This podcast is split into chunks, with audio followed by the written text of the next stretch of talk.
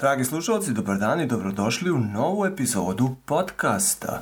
U ovoj epizodi ćemo pričati o osam tačaka koje su apsolutni no-go za jedan intervju.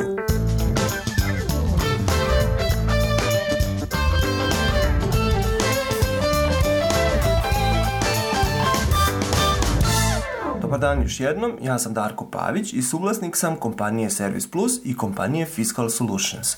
Ove dve kompanije su aktivne već dugi niz godina na IT tržištu, poslužuju ogromne i najveće e, svetske trgovce i mogu da kažem da su vrlo, vrlo uspešne. Ja sam odgovoran za strategiju, prodaju i marketing i jako mi je drago da mogu u nizu epizoda ovog podcasta da podelim sa vama moje viđenje poslovnog sveta. U današnjoj epizodi ćemo pričati o osam tačaka koje mene lično dovode do ludila prilikom jednog intervjua.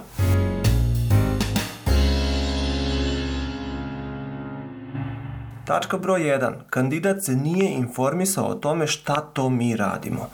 Jako često pitam da mi kandidat objasni šta je on to razumeo da mi kao kompanija radimo. Ako nije u stanju da mi barem delimično objasni šta je to što mi radimo i kako on paše u to, ja mislim da on jednostavno se onda nije raspitao, da mu je sve jedno gde se zapošljava i da ide po principu daj šta daš. Druga tačka. Kandidat pita za radno vrijeme. Pa radno vrijeme je naravno jako ovisno o tome šta kompanija radi, odnosno šta će taj kandidat da radi u kompaniji. Zamislite na Servis Plus, kompaniju koja radi servisne usluge, mi imamo jedan dobar deo posla koji obavljamo na terenu, gdje kolege izlaze da poprave, na primjer, pokvarenu opremu kod trgovaca, kako ja da mu kažem koje je radno vreme? Pa ako je problem takav i tada se desio da kolega može da se vrati za vrijeme radnog vremena, onda će naravno do četiri uspeti nešto da završi. Ako on to ne uspe ili jednostavno provede duže vremena na putu, onda on to neće stići. Znači, nije više pitanje radnog vremena ono što je pitanje. Pitanje je izvršenje zadatka E, na drugoj strani, šta još znači kada kandidat pita za radno vreme To je kao da pita dokad ja moram da radim.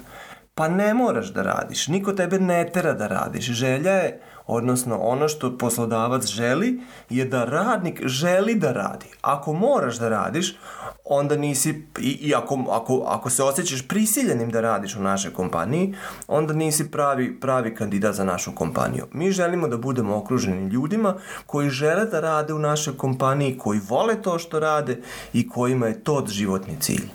Treća tačka koja je apsolutni no-go je kad kandidat neće da kaže sa kojom platnom bi recimo bio u budućnosti zadovoljen, nego vraća pitanje u smislu koliko vi nudite za to radno mesto ili koliko vi inače plaćate to jedno radno mesto. To, po, po mom mišljenju, uopšte nije adekvatno pitanje. Prvo, ja moram da znam E, koliko cenim samog sebe. Moram da se raspitam naravno koliko je moja radna snaga kao takva, e, e, koliko ona košta na tržištu, odnosno koliko je usporediva u ostalim kompanijama i moram naravno da znam šta je meni lično kao osobi ono o, koja mi je suma ok i koje, s kojom sam ja stvarno zadovoljan. Znači to je lična i intimna tema, a ne tema koliko poslodavac inače nudi za to radno mesto. To ne postoji, nema iste cene za jedno radno mesto za svakoga. Cena, odnosno plata, ovisi i to jako, ovisi o iskustvu onoga ko radi, o načinu na koji radi, o njegovoj predanosti i tako dalje. Ne postoji modlica da, man, da, za određeno radno mesto poslodavac plaća toliko i toliko. Barem ne od nas, možda u nekim drugim kompanijama, to ne znam. Kod nas je to vrlo individualna i vrlo lična stvar. Četvrta tačka koja me dovodi do ludila je kad kandidat pita šta mu mi to nudimo. Pa znate kako je, ne nudimo mi ništa osim posla kao takvog. Nudimo samo ako je na drugoj strani dokazana kvaliteta, dokazano znanje i dokazani uspeh ne mogu da nudim nekome nešto koga ne poznajem, koji, kod koga ne znam ni koliko je dobar, ni koliko vredi, ni koliko je on stvarno u svom životu postigao. Ako neko dolazi ko je stvarno nešto postigao, ima dokazive vrednosti iz prošlosti, onda naravno možemo da pričamo o tome šta mi to dodatno nudimo osim te plate e, koja je nešto s čim čovjek mora naravno da bude zadovoljen. Peta tačka je u principu situacija kad na kraju intervjua ja pitam da li kandidat ima pitanja ka meni, odnosno za mene. Ako kandidat nema pitanja, onda je to meni znak da se on nije dovoljno bavio tematikom, nije dovoljno bavio našom kompanijom, jer nemoguće ako čovjek nije u tim vodama da nema pitanja. Tačka broj 6.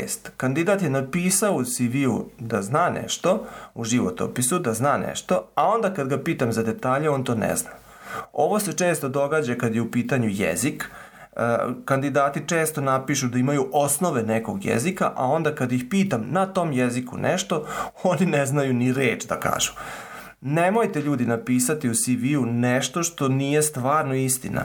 Da to ne pišu u CV-u, ja vas ne bi ni pitao da li je to tako ili nije tako, ne bi došao na ideju uopšte. Znači, napišite samo one stvari u koje ste 100% sigurni. Ta ista stvar se događa kad su u pitanju tulovi koji su ljudi koristili programski jezici, tehnologiji i tako dalje. Često kandidati jednostavno izlistaju tehnologije ili tulove sa kojima su se susreli, ali razlika je susresti se s nečim i znati to nešto. Obratite pažnju na to. Sedmi, apsolutni no-go je kad otkrijem da je neko promenio posao zato što mu je neka nova kompanija napravila bolju ponudu, u principu bolju financijsku ponudu. Zašto mi se to kaže? Šta to znači? To znači ko da mi neko rekao, e, budi dobar, uvek mi pravi jako dobru ponudu, inače ću ja otići. Pa takve kolege meni u principu ne trebaju. Šta će biti sutra kad neko kod mene počne da radi i sutra se pojavi neka kompanija koja mu da 200 eura više ili 1000 eura više? Taj kandidat ode naravno.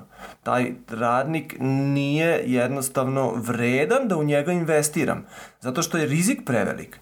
Investicija kompanije u jednog čoveka, novog čoveka, se sastoji uvek iz dva elementa, ona je uvek dvostruka. Prvo ja moram da ga obučim, znači neki ljudi koji ga obučavaju ne mogu da rade ništa drugo nego ga obučavaju.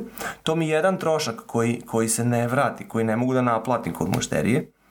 I drugi trošak, odnosno druga investicija je taj čovek kome plaćam platu, a on nije produktivan. Njemu treba određeno vrijeme da postane produktivan. Znači ja imam duplu investiciju. Zašto bi ja investirao u čoveka kod koga znam da će otići ako mu se pojavi bolja i lepša kompanija?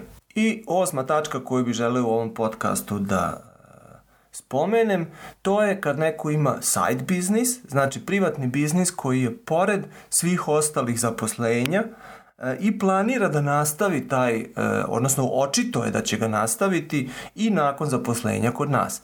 Ja mislim da je nemoguće podeliti fokus na dva dela.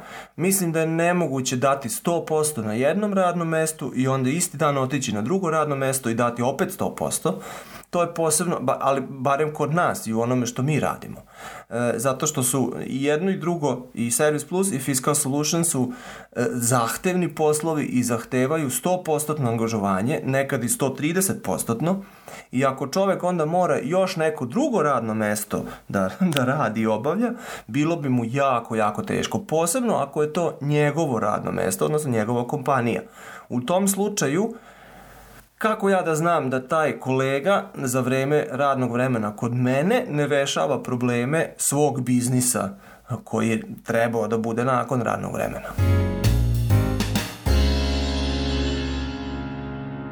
Znam da je ova tema prilično senzibilna i apsolutno mi je jasno da će puno potencijalnih kandidata ovo shvatiti kao problematično i kao razlog za neprijavu kod nas ali ok, ja sam iskren i govorim kakva je situacija kod nas, pa ako čoveku to ne odgovara, onda ćemo uštediti i kandidatu i sebi vreme i jednostavno nećemo, nećemo ući u neke razgovore koji bi inače možda ušli pa ustanovili da nešto ne funkcioniše.